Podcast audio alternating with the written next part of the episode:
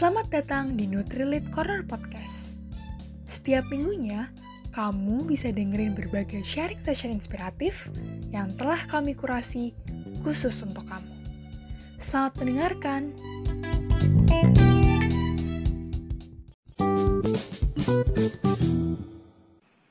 boleh disinggung dikit nggak soal tadi di Sulawesi juga, di Kalimantan juga. Ini kan Anda ke mana-mana ya. Di Bali pun nanti dan Anda juga lagi kemarin aku dengar tuh uh, bantu yang terkena dampak COVID ya.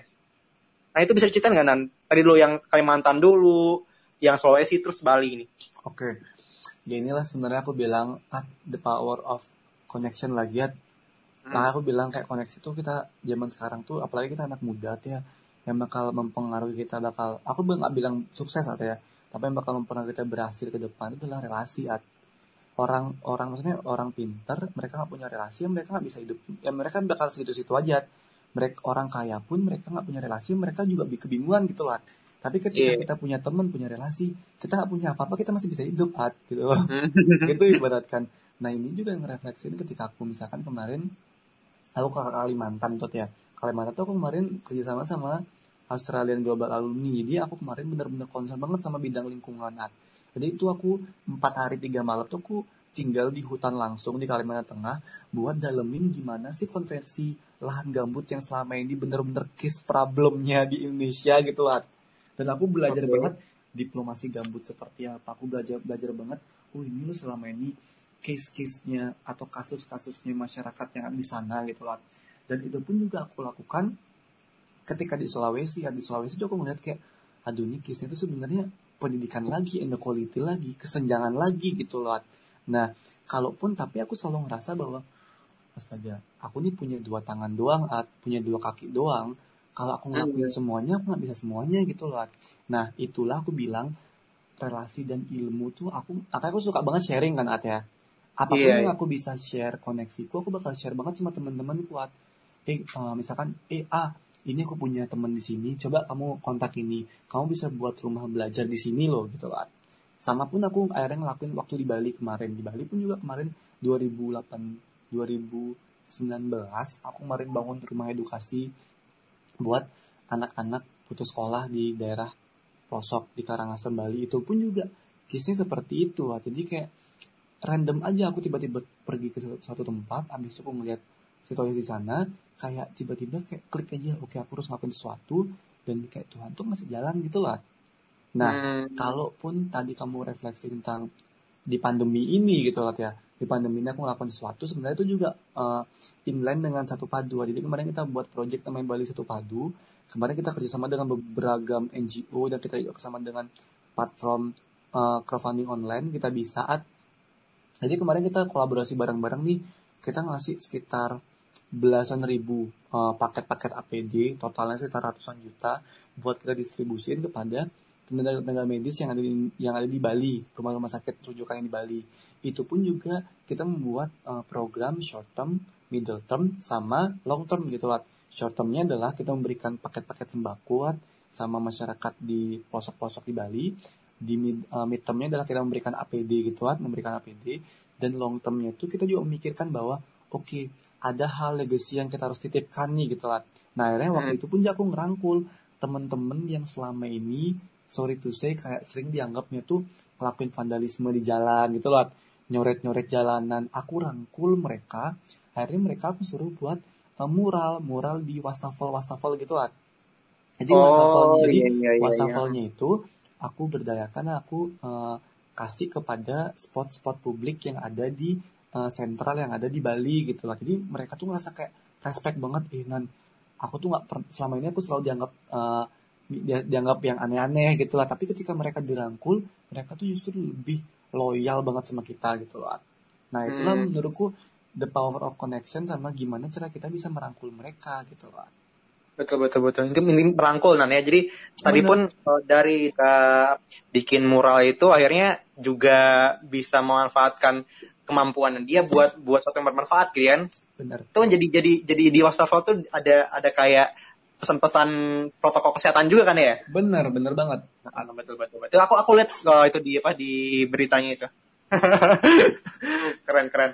Nah Nan, uh, Nanda bilang ya masalah di Indonesia tuh ketimpangan segala macam kesenjangan gitu. Sebenarnya aku juga apa ya kalau bisa dibilang juga tertarik dengan kalau dilihat masalah Indonesia itu ya, ya gitu ya. Kalau itu banyaknya ketimpangan sebenarnya ketimpangan antar daerah, an, ya ketimpangan kelas juga gitu kan, ketimpangan pendidikan gitu. Nah, yang anda lakukan sekarang untuk tetap bergerak ke arah sana apa gitu? Oke, ini uh, kalau ngomongnya sebenarnya lucu banget ada ya. Jadi kan uh. Uh, kalau teman-teman Nutri Friends tahu sebenarnya background kan anak HI gitu ya. Uh, tapi sekarang sebenarnya ada hal yang kontradiksi yang aku jalanin. Jadi aku lebih, sekarang lagi fokus-fokusnya di bidang agraria, di bidang pangan gitu lah. Gitu okay. sebenarnya kayak gitu. Nah, Nanda kan tadi ngelihat ketimpangan, Nanda juga anak HI segala macam. Harusnya, oh ya Nanda mungkin uh, ada langkah pengen ke politik kah gitu kan atau lagi mempersiapkan apa? Tapi kenapa ini tiba-tiba ke pangan di pangan kenapa gitu? Oke, okay. sebenarnya gini ya.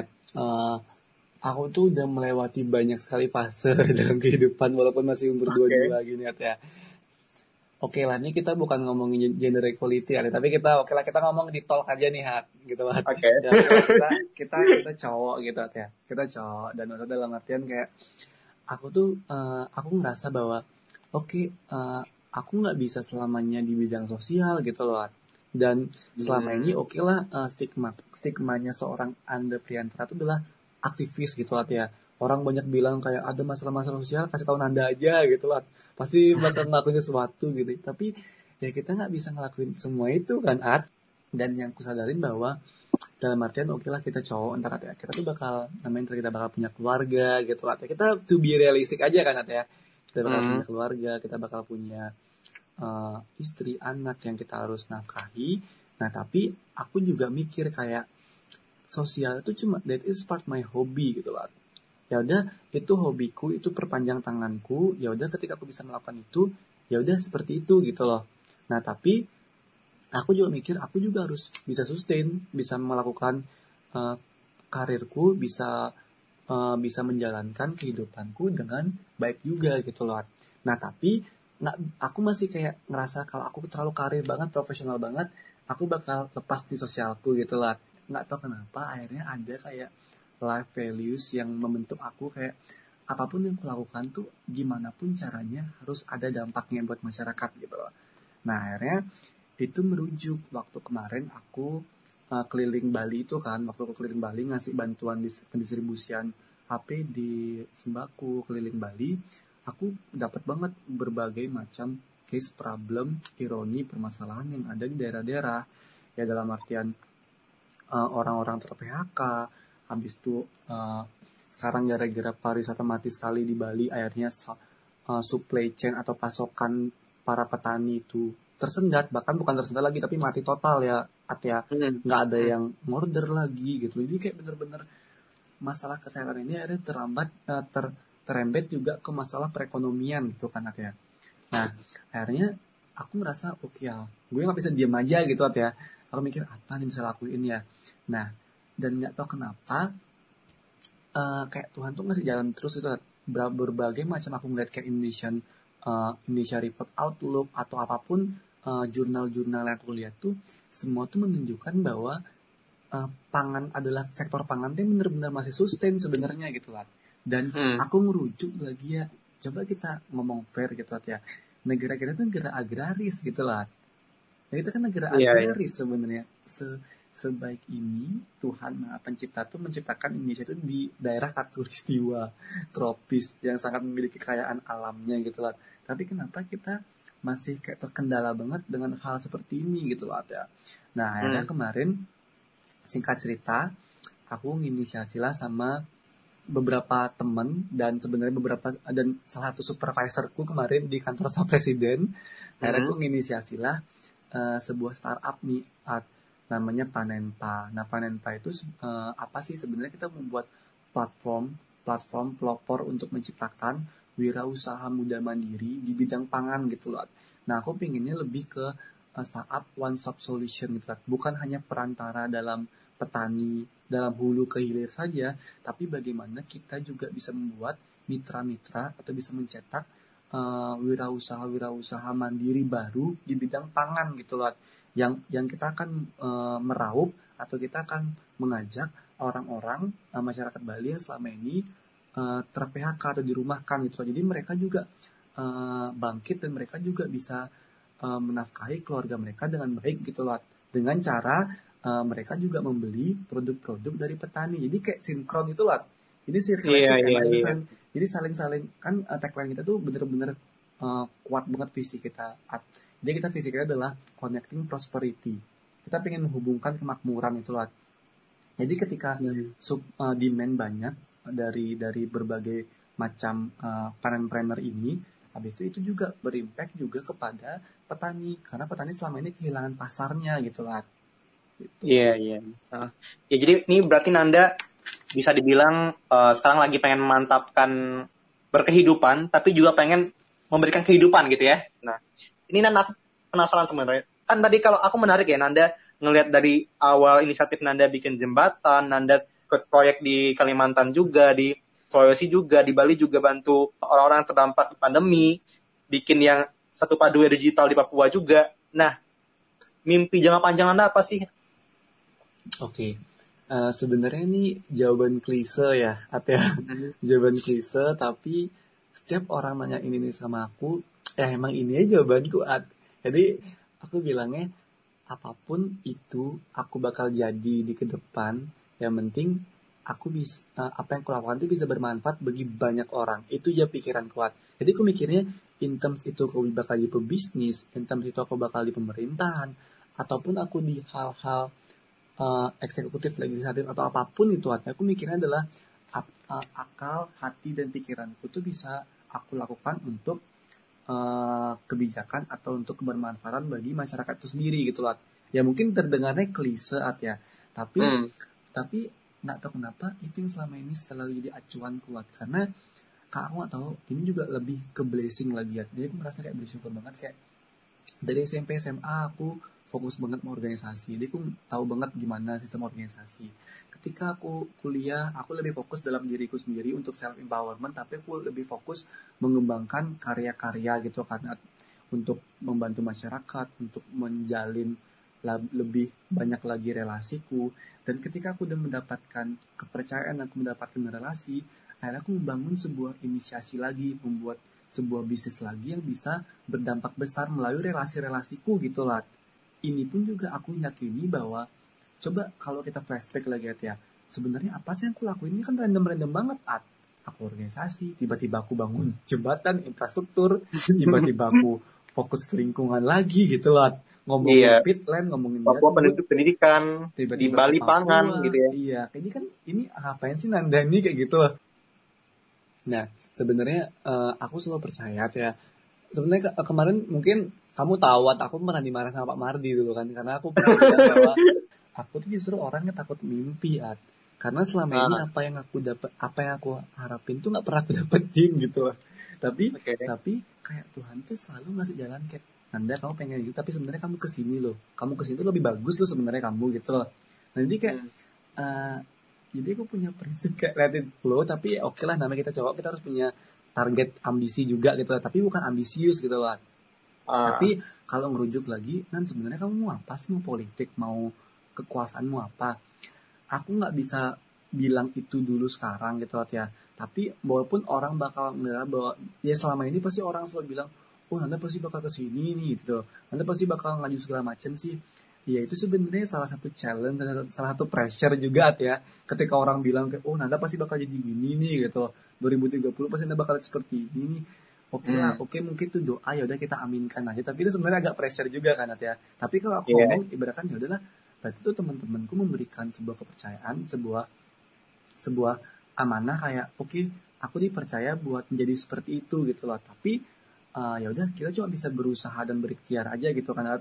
Let's get to the rest gitu loh. Nah tapi yang ku selalu pelajari nanti ya, yang ku selalu dapat filosofi dan kehidupan Nat, dan ini pun aku juga bakal share ke kamu, ke Nutri Friends yang lainnya, bahwa kita di masa muda ini kita harus eh, cobain berbagai macam hal, berbagai macam lini kehidupan gitu loh ya. Explore semuanya walaupun kita juga harus punya fokusnya apa yang kita suka gitu loh ya. Nah, Hmm. kadang kan orang sering sering bias nih orang banyak bilang kamu tuh harus fokus ketika kamu pengen expert di suatu hal tapi banyak juga orang ketika kamu masih muda kamu harus explore semuanya gitu Ad. Ya nggak ada yang salah menurutku semua itu lah tapi yang aku lakukan selama ini adalah mungkin karena aku type-nya adalah general gitu Ad ya jadi aku pengen Iya. merasakan apa sih orang orang rasain gitu Ad. in the moment ketika pun kita diamanain menjadi pemimpin atau kita diamanain menjadi seorang yang memegang memegang tanggung jawab untuk kebijakan gitu ya kita bisa merasakan apa yang dirasakan oleh orang itu gitu loh nah jadi itu yang selama ini aku selalu lakukan gitu loh jadi aku contoh misalkan ketika aku misalkan eh, di organisasi aku pengen meminta mendelegasikan tugas untuk membuat desain nah aku harus tahu juga rasanya desain itu seperti apa gitu loh jadi aku nggak asal nggak asal nyuruh aja gitu loh jadi sekarang ini Hmm. juga aku belajar coding Betul, aku betul, juga betul. belajar akuntansi at least sebuah pemimpin tuh harus tahu basic-basicnya gitu lah ya kalau orang ngomong Iya, iya, orang iya. ngomong jeleknya yang penting lo tuh nggak bisa dibohongin ke depan gitu lah Ah, lo, iya. lo, tuh basic- lo tuh tahu basic-basicnya gitu. pertama itu pertama eh, nggak ya mungkin ya bener ya biar nggak dibohongin kedua bener tanda tanda tadi bilang bahwa ya mungkin kita bisa empati gitu. Ketika Bener, kita mendelegasikan tugas gitu kan ke minta tolong eh, pekerjaan A gitu atau B kita kita tahu rasanya eh, susahnya itu gitu. Kita tahu bener itu tantangannya apa. Jadi nggak asal asal nyuruh asal kayak ya udah penting beres gitu. Karena kita tahu gitu perjuangan buat buat itu apa itu buat A apa buat B apa buat C apa gitu. Bener bener banget. Jadi itu lebih ke empati lagi sih. Ketika kita empati kita tuh lebih bisa mengorganize bagaimana tim bagaimana kebijakan dan bagaimana tujuan yang kita akan ambil gitu loh. Oke oke. Oke Nan, aku pengen uh, share dikit soal apa. Tadi menarik yang kamu bilang, ya kita ekspor semuanya banyak hal, tapi punya fokus gitu ya. Ini aku pernah ikut kelas di ya di UI kelas apa ya kelas waktu itu aku lupa deh Eh, PKM atau apa gitu. Tapi ini eh, agak melenceng dikit. Dia cerita, ya coba pak kita tuh bentuk diri kayak T-shape gitu, kayak huruf T, ya. Huruf T itu kan di atasnya eh, horizontal ya hmm yang di tengah itu vertikal. Artinya apa? Yang horizontal itu kita punya banyak hal yang kita kuasai, kita tahu. Mungkin ya hal-hal yang kecil gitu kan, tapi kita punya satu hal yang mendalam gitu. Ini juga soal tadi kamu bilang soal kita di masa muda tuh coba belajar banyak hal, eksplor banyak hal itu. Iya, aku pernah juga dapat ini sih. Kita di umur 20-an mungkin kita bilang ya muda ya. Kadang aku juga dan mungkin banyak orang lain juga kayak masih bingung emang yang yang sekarang gue lakuin tuh apa sih? Emang emang udah tepat belum siap? Ini bener gak sih gitu? Tapi sebenarnya aku denger gini kita nggak perlu buru-buru tahu apa yang kita suka di umur 20-an hmm. tapi eksplor banyak hal sehingga kita tahu apa yang yang nggak kita suka gitu. Jadi ketika lo tahu apa yang nggak lo suka ya fokus ke yang umur selanjutnya tuh lo fokus ke hal-hal yang lo suka aja. Lo udah tahu apa yang nggak lo suka ya hindari itu gitu. Ya nggak sih Nan gitu. Kayak gue mikir biar nggak kelamaan kita mikir ini gue suka apa enggak ya? Akhirnya kita nggak jalan-jalan. Tadi yang anda bilang kan. Akhirnya Benar. kalau kita mikir iya ini nggak mungkin atau ini nggak ini nggak gue nggak passion di sini deh gitu. Tapi kita belum nyoba gitu. Mm-mm. ya kita nggak bakal tahu gitu kan. Bener banget bener banget sih maksudnya dalam artian challenge anak muda itu kan eh, terkadang kita punya idealisme yang tinggi gitu ya tapi kontradiksinya juga kita kadang juga orangnya nggak nggak bertahan gitu kan Ad, ya jadi itu sebenarnya Iya, iya. challenge anak muda banget kan nah Ah. inilah inilah yang kita harus kaji bersama dan bener banget kok filosofi eh, huruf T yang tadi kamu bilang bener banget kok filosofi kita harus ya maksudnya setiap orang punya karakteristik yang berbeda-beda ya dan Hmm. menurutku eh, ya setiap orang sebenarnya punya porsinya masing-masing At. Makanya aku juga nggak terlalu suka banget compare comparein orang gitu loh oke lah, Iya, kita kita boleh punya pedoman kita boleh punya eh, bayangan bahwa oke aku harus seperti ini oh dia keren seperti apa ya tapi aku selalu percaya bahwa ya kita dilahirkan di dunia ini kita pasti punya preferensi dan punya porsinya masing-masing gitu loh hmm. itu selalu aku percaya sih sebenarnya Oke oke. Oh ya Nan, ini kan tadi kita pengen cerita soal itu ya. Eh, ini mungkin ada hubungan juga tadi Nanda cerita soal eh, Pak Mardi ngasih nasihat segala macam kan kita gabung NLA nih gitu. Nanda juga first winnernya kan. Nah cerita dong Nan sama karantina kemarin kegiatan kemarin kita di NLA itu eh, apa yang Nanda dapatin dan apa sih yang Anda expect dari NLA dan sekarang tuh kayak gimana sih? Boleh cerita dikit nggak soal NLA kemarin gitu? Mungkin teman-teman atau Nutrifans yang denger ini juga uh, ada alumninya NLA juga atau ada nanti yang pengen gabung di NLA gitu. Oke, satu yang didapatin keluarga pasti ada ya. itu sih eh, pasti keluarga banget jadi eh, maupun finalis mau semi finalis apalagi eh, kayak tim-tim dari Nutri Nutri Foodnya juga sangat-sangat aware banget sama kan sama kita kan. Iya iya betul Jadi betul betul betul betul. Ah, Ya kalau Nutrifood bilang kan apa? Ya Rumah kantornya kedua. itu ya rumah kedua gitu. Ya gue walaupun bukan pegawai Nutri Nutrifood tapi kadang ketika ke Nutrifood ketika ketika kita diajak eh, mentoring ya ngerasa gabung ke keluarga juga gitu sih. bener-bener first impression atau touch of feeling yang pertama kali aku ngerasain di Nutrifood tuh kayak oh ini family banget sih ini dari awal pun bahkan aku nggak pernah malu bilang aku daftar NLA tuh aku sama sekali nggak tahu ada juara-juaraan At. ya oke lah aku tahu Nah, base apa iya. base apa tapi aku nggak tahu ada juara-juara seperti itu ya karena bayanganku ya udahlah ini kayak ya kayak eh, apa tuh kayak perkumpulan atau leadership development yang bareng-bareng gitu lah ya jadi Iya, iya. relasi share idea segala macamnya jadi kok kebayang ada winner-winneran kayak gitu nah tapi apa sih yang sebenarnya aku dapetin di NLA kemarin kalau aku jabarin semua nggak bakal nggak bakal selesai tuh karena menurutku ketika di NLA tuh ya pasti kamu ngerasa sendiri ya banyak Hmm. sekali insight yang didapetin dan insight tuh bener-bener diverse banget at Jadi Iya kita- iya. iya. Ya kira terlepas kita dikenalin dengan berbagai macam pemateri yang memiliki beragam background kita juga diajarkan bagaimana filosofi-filosofi kepemimpinan kepemimpinan dari beragam uh, arah juga gitu loh, beragam perspektif juga gitu kan jadi kayak Hmm. kayak itu ibaratkan diberikan akses untuk memilih untuk melihat dan untuk menggambarkan kita akan menjadi pemimpin seperti apa sih untuk masa depan gitu lah Nah itu sih Hmm. bersyukurnya di Nutri Food gitu lah. Jadi waktu PNLA tuh kayak ngerasa kayak, oh iya kita nih eh, ngerasa blessing banget sih masuk PNLA karena segala macam segala macam eh, leadership, nilai-nilai dan dan kayak praktikal dan contoh-contoh itu terwujud nyata di values-valuesnya Nutri Food itu gitu lah. Jadi Hmm, aku iya, merasa iya. kayak, oh ya nih, aku rasa bersyukur banget sih masuk di sini terlebih lagi ketemu dengan berbagai macam background teman-teman finalis yang random-random juga gitu lah, yang Iya, punya iya. visi-visi visi-visi mulia juga dan aku percaya bahwa ini lebih ke relasi lagi At, ya. Aku percaya kok orang-orang yang masuk di NLA itu adalah eh, ya kita berdoa bareng-bareng gitu ya. Tapi aku percaya pasti orang-orang akan menjadi sampan kok di masa depan itu lah. Jadi Iya, iya. yang aku selalu harapin bahwa ya perkuat koneksi kita gitu lah ya. Walaupun kita nggak bakal bisa terus komunikasi, tapi keep in touch saja gitu lah. Say hello Hmm. segala macam ya karena kan kita nggak tahu lagi 10 lagi 15 tahun teman-teman kita akan jadi apa.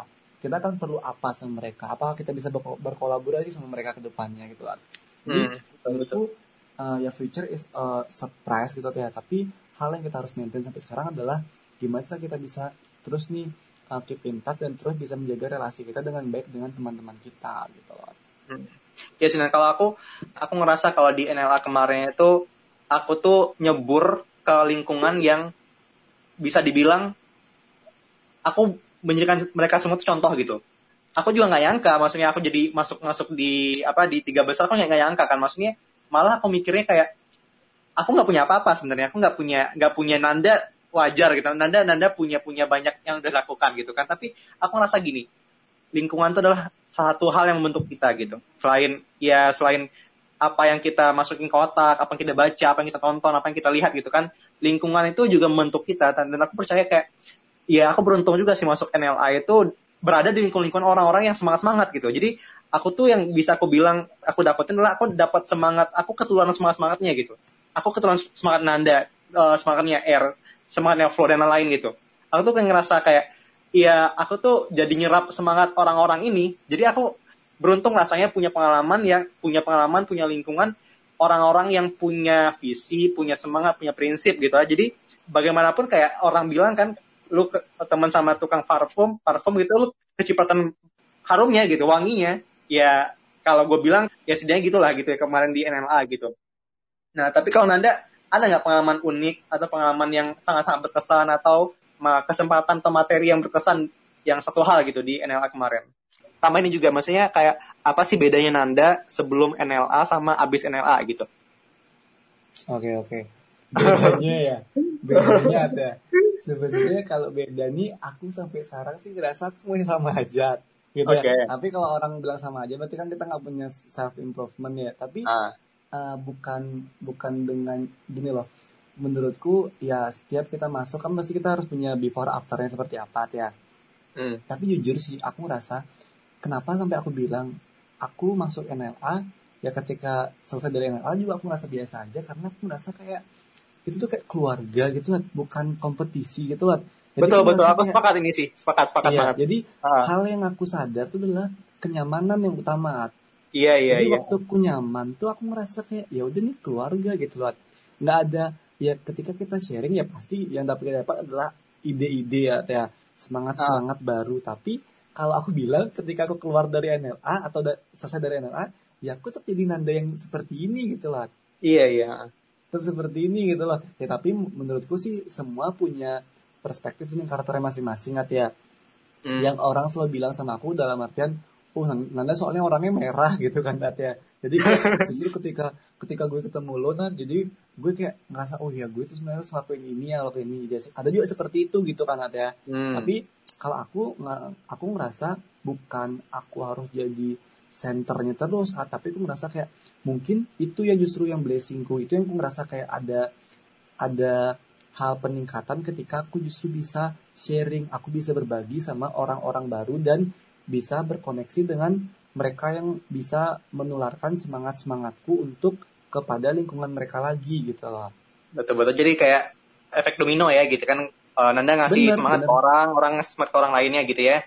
Dan ini juga sih Iya. Nanda soal tadi Nanda bilang nggak ngerasa kayak kompetisi gitu. Aku sepakat banget sebenarnya. Jadi aku ngerasa di Nutrifood tuh kayak aku dikasih kesempatan dikasih satu sentilan atau kasih satu trigger gitu buat berkolaborasi sebenarnya bukan buat berkompetisi. Jadi aku jangan jangan belum belum di final. Di semifinal dulu di Jakarta. Kita ketemu juga kan ya sama Yudi juga kan? Iya ketemu yang ketemu, ketemu. Nutrifood adalah ketika aku masuk di ruangan itu kita diajak buat kenalan. Buat hilangin ego hilangin kayak lu nggak nggak kompetisi di sini gitu. Kenalan kena sama-sama semua orang walaupun lu ntar jadi finalis ataupun enggak kenalan dulu gitu. Jadi itu udah udah mecah banget sih menurutku ya. Itu maksud gue bagus Benar. banget nuansa di sana gitu. Jadi nggak nggak ngerasa kayak teman samping gue tuh kompetitor kita enggak kita kayak ngerasa ah gue dapat teman baru di sini gitu. Dan Nutrifood mendorong itu menurut gue kayak ya kita nggak kompetisi di sini. Kita kayak ya cari teman di sini gitu. Cari buat ini lingkungan tem- lingkungan kalian gitu sih. Itu yang gue gue sangat sangat syukuri sih yang mungkin akan beda mungkin kalau gue ikut kegiatan lain ya. Mungkin kayak akan rasa aura kompetisinya. Tapi ini kayak ya enggak gitu. Gue nyaman banget kayak dorong buat ya udah kalian bukan bukan bukan kompetitor tapi ya kenalan. Ayo pas mau ngambil apa mau ngambil apa coffee break kenalan gitu kan. Ya ada yang belum kenal kenalan lagi gitu. Sih jadi semua tuh lo kenalan semua gitu. Ya gitulah. Itu sih Iya yang banget. yang kalau gue kasih berkesan di di interview sama kayak Pak Mardi sih. Kalau bisa gue bilang gue nggak nyangka gitu. Ada CEO yang punya pemikiran kayak pemimpin-pemimpin NGO atau pemimpin komunitas gitu loh. Eh, jadi kan kalau yang di bayangan aku tuh kebanyakan CEO nggak kayak gitu mungkin ya. Yang Pak Mardi yang humble, yang punya pemikiran humanis gitu kan, yang ya lebih people oriented kayaknya ya. Tapi yang aku rasain selama mentoring, selama dengar dia materi dari dia ya kayak ya enaknya tuh ada pemimpin perusahaan yang nggak cuma mikirin profitnya gitu. Dia juga mikirin ya manusianya, dia mikirin juga dampak lingkungannya, dampak sosialnya gitu ya menurutku ya keren lah gitu. Itu yang aku dapat kalau bisa aku share dua itu sih sebenarnya gitu. Keluar, ya banyak sih Bener keluarga banget, lingkungan semangat juga pemardi juga gitu. Bener banget Art. Jadi aku aku bayangin tuh simpelnya adalah Pak Mardi tuh ngajarin banget eh, leadership of empathy gitu lah. Iya, iya. Jadi ketika dia kamu bilang peop- uh, people people uh, purpose, Oriented. people people oriented gitu sebenarnya bener juga. Tapi sebenarnya sebuah orang CEO kan pasti punya kayak uh, data oriented atau segala macam gitu pasti ya, gitu ya. Ah, Tapi iya kayak pasti ya. target oriented segala macam itu pasti. Tapi kayak dalam artian Pak Mardi itu juga bisa merepresentasikan bahwa sebuah pemimpin itu juga harus menunjukkan sense of belonging mereka, sense of feeling mereka tuh untuk bisa merangkul uh, timnya mereka lagi untuk bisa Iya, melakukan impact uh, dengan apa yang uh, kebijakan yang diberikan oleh seorang pemimpin itu gitu lah. Dan Mhm. ketika kamu ngomong Pak Mardi tadi, aku justru ketika nanya, Nan ada nggak mentor atau ada nggak pembicara yang sampai sekarang masih kayak keep in touch? Aku tuh dekat banget sekarang sama Mam- Mami Yanti. Uh, Oh. Tapi per hari ini pun kayak Band itu masih baik banget sama aku dan bahkan kemarin sebelum aku balik ke Bali tuh aku sempat dibukain kayak bukan kartu tarot ya tapi kayak mami itu kayak kayak punya kayak aduh aku lupa nama nama nama nama nama program itu pokoknya kayak bisa jadi coach coachnya coachnya para para CEO coachnya para para direktur direktur NGO gitu loh ah jadi aku tuh Hmm. dibuka banget kayak ditauin banget Nanda kamu lagi bingung ya mau S2 mau apa ya gitu kayak Hmm. tiba-tiba kayak coba buka kartu ini karena punya aura sendiri kayak aku aku percaya banget sama law of attraction ya Ata. Iya ya. jadi hukum tarik menarik dan dia dan beliau pun percaya gitu Pat. dan maksudnya kartu yang aku ambil tuh padahal padahal aku orangnya logik banget sebenarnya kan ya. Tapi kartu Hmm. ambil tuh kayak merepresentasikan banget apa yang aku sekarang jalani at kayak tiba-tiba aku ngambil kayak ada tanda panah habis itu terakhir-terakhir aku ngambil kayak eh, ada orang yang gambar eh, gambar abstrak gitu aja gitu lah jadi kayak Hmm. bener-bener values values itu kayak ya percaya nggak percaya tuh kayak kejadian karena kita yakin gitu lah dan akhirnya Iya iya. aku pun per hari ini nggak bakal ngira aku bakal eh, ngedevelop atau creative panen pas seperti sekarang gitu loh tapi Hmm.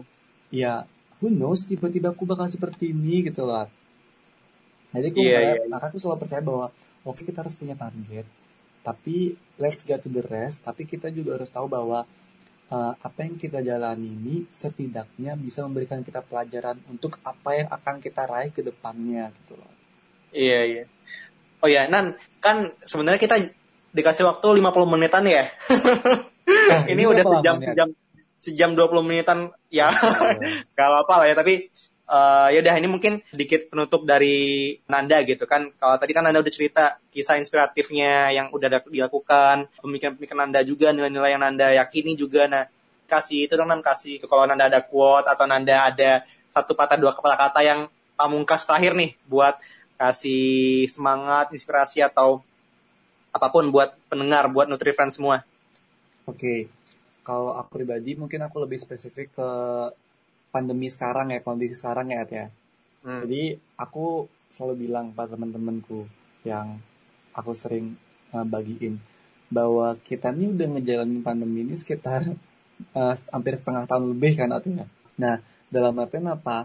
Kalau sampai di hari ini kita nggak ada improvement dalam diri kita dan kita masih gini-gini aja, berarti ada hal yang keliru dalam diri kita.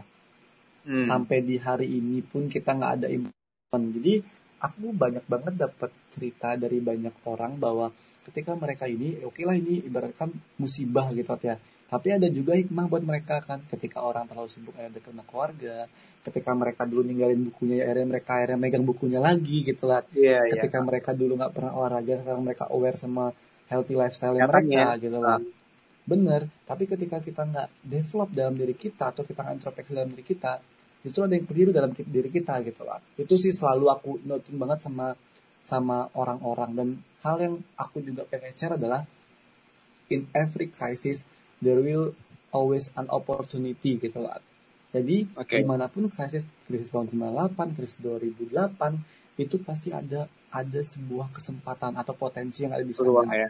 dan bakal ada selalu winner dan loser baru at. Nah itu pilihannya kita. Kita bakal jadi winner apa bakal jadi loser at? Jadi Hmm. menurutku inilah potensi yang sangat-sangat bagus banget. Karena sekarang ini orang bakal nol nol dari awal at. Dan aku percaya banget sebenarnya sekarang ini momentumnya Indonesia bangkit sebenarnya at karena apa Karena semua dunia merasakan ini ya gitu. nol- betul nol, betul At. betul. No, iya betul. coba ah. coba kita refleksiin At. jadi ini tuh bener-bener waktunya kita banget At buat karena ini sekarang momentumnya lagi nol nol semua At dan kita punya potensi yang banyak banget At. dan orang siapa pun yang melihat peluang ini ketika ya puji Tuhan alhamdulillah dan Astongkar udah kelar ini kondusif uh, dari wabah dan pandemi ini ya siapa pun yang siap itu yang bakal cepat-cepatan sprint At. Jadi aku percaya banget sama hal itu sih misalnya inilah momentumnya sekarang siapa pun yang siap, siapa pun yang lebih lebih preparing dia yang bakal ngelitar dalam medan perang dan dalam medan uh, runway ini gitu aku mikirnya. Siap, siap. Ini ini menarik dan ya bermakna banget sih yang Nana bilang tadi ya soal ya gimana kita ngelihat satu kejadian, satu keadaan gitu ya. Ya itu tergantung bagaimana cara mata kacamata kita ya dan apa yang kita pandang tuh mempengaruhi apa yang kita lakukan gitu. Nah, benar sih benar. Atau last nih, last aku mau sebutin dalam artian adalah tadi kamu bilang cara pandang kita melihat. Nah, dalam artian ya benar kita bakal melihat ini sebagai sebuah permasalahan atau sebagai buah kesempatan kan ya. Hmm. Nah, yang aku percaya adalah uh, ketika kita melihat peluang sekarang, ya just do it aja. Lakuin yeah. aja dulu sekarang nih. Karena ketika kita ngelakuin, kita nggak bakal tahu bahwa ternyata itu sebenarnya berkah kita yang kita bakal jalani buat ke depannya gitu loh. Hmm, oke okay, oke. Okay. Siap siap. Oke Nan, ini kita udah panjang lebar banget ya, daging semua isinya kalau kata Helmi Yahya. Makasih banyak Nanda kesempatannya uh, kita bisa ngobrol-ngobrol buat bi apa bisa dengerin sama pendengar Nutri Corner Podcast juga. Ya makasih buat Nutri Friends yang udah dengerin. Semoga banyak dapat inspirasi dari Nanda, dapat motivasi juga, dapat semangat juga dan mungkin kalau bisa ngobrol sama Nanda juga nanti ya bisa dihubungin ke mana Nan kalau Nanda nih? Jadi kalau misalkan ada teman-teman yang pengen sharing atau pengen uh, kayak uh, co bukan coaching ya lebih lebih ke gitu sih lebih ke uh, kenal lebih jauh lebih jauh lagi tentang aku bisa langsung aja uh, direct visit di Ananda Priantara di Instagram gitu. Siap, siap, siap. Uh, gitu aja. Makasih sekali lagi buat Anda, buat pendengar sekalian, buat Nutrifriends juga ya. Uh, makasih banyak. Uh, sampai jumpa di uh, lain waktu. Bye bye. Bye bye bye bye Thank bye. You guys semuanya.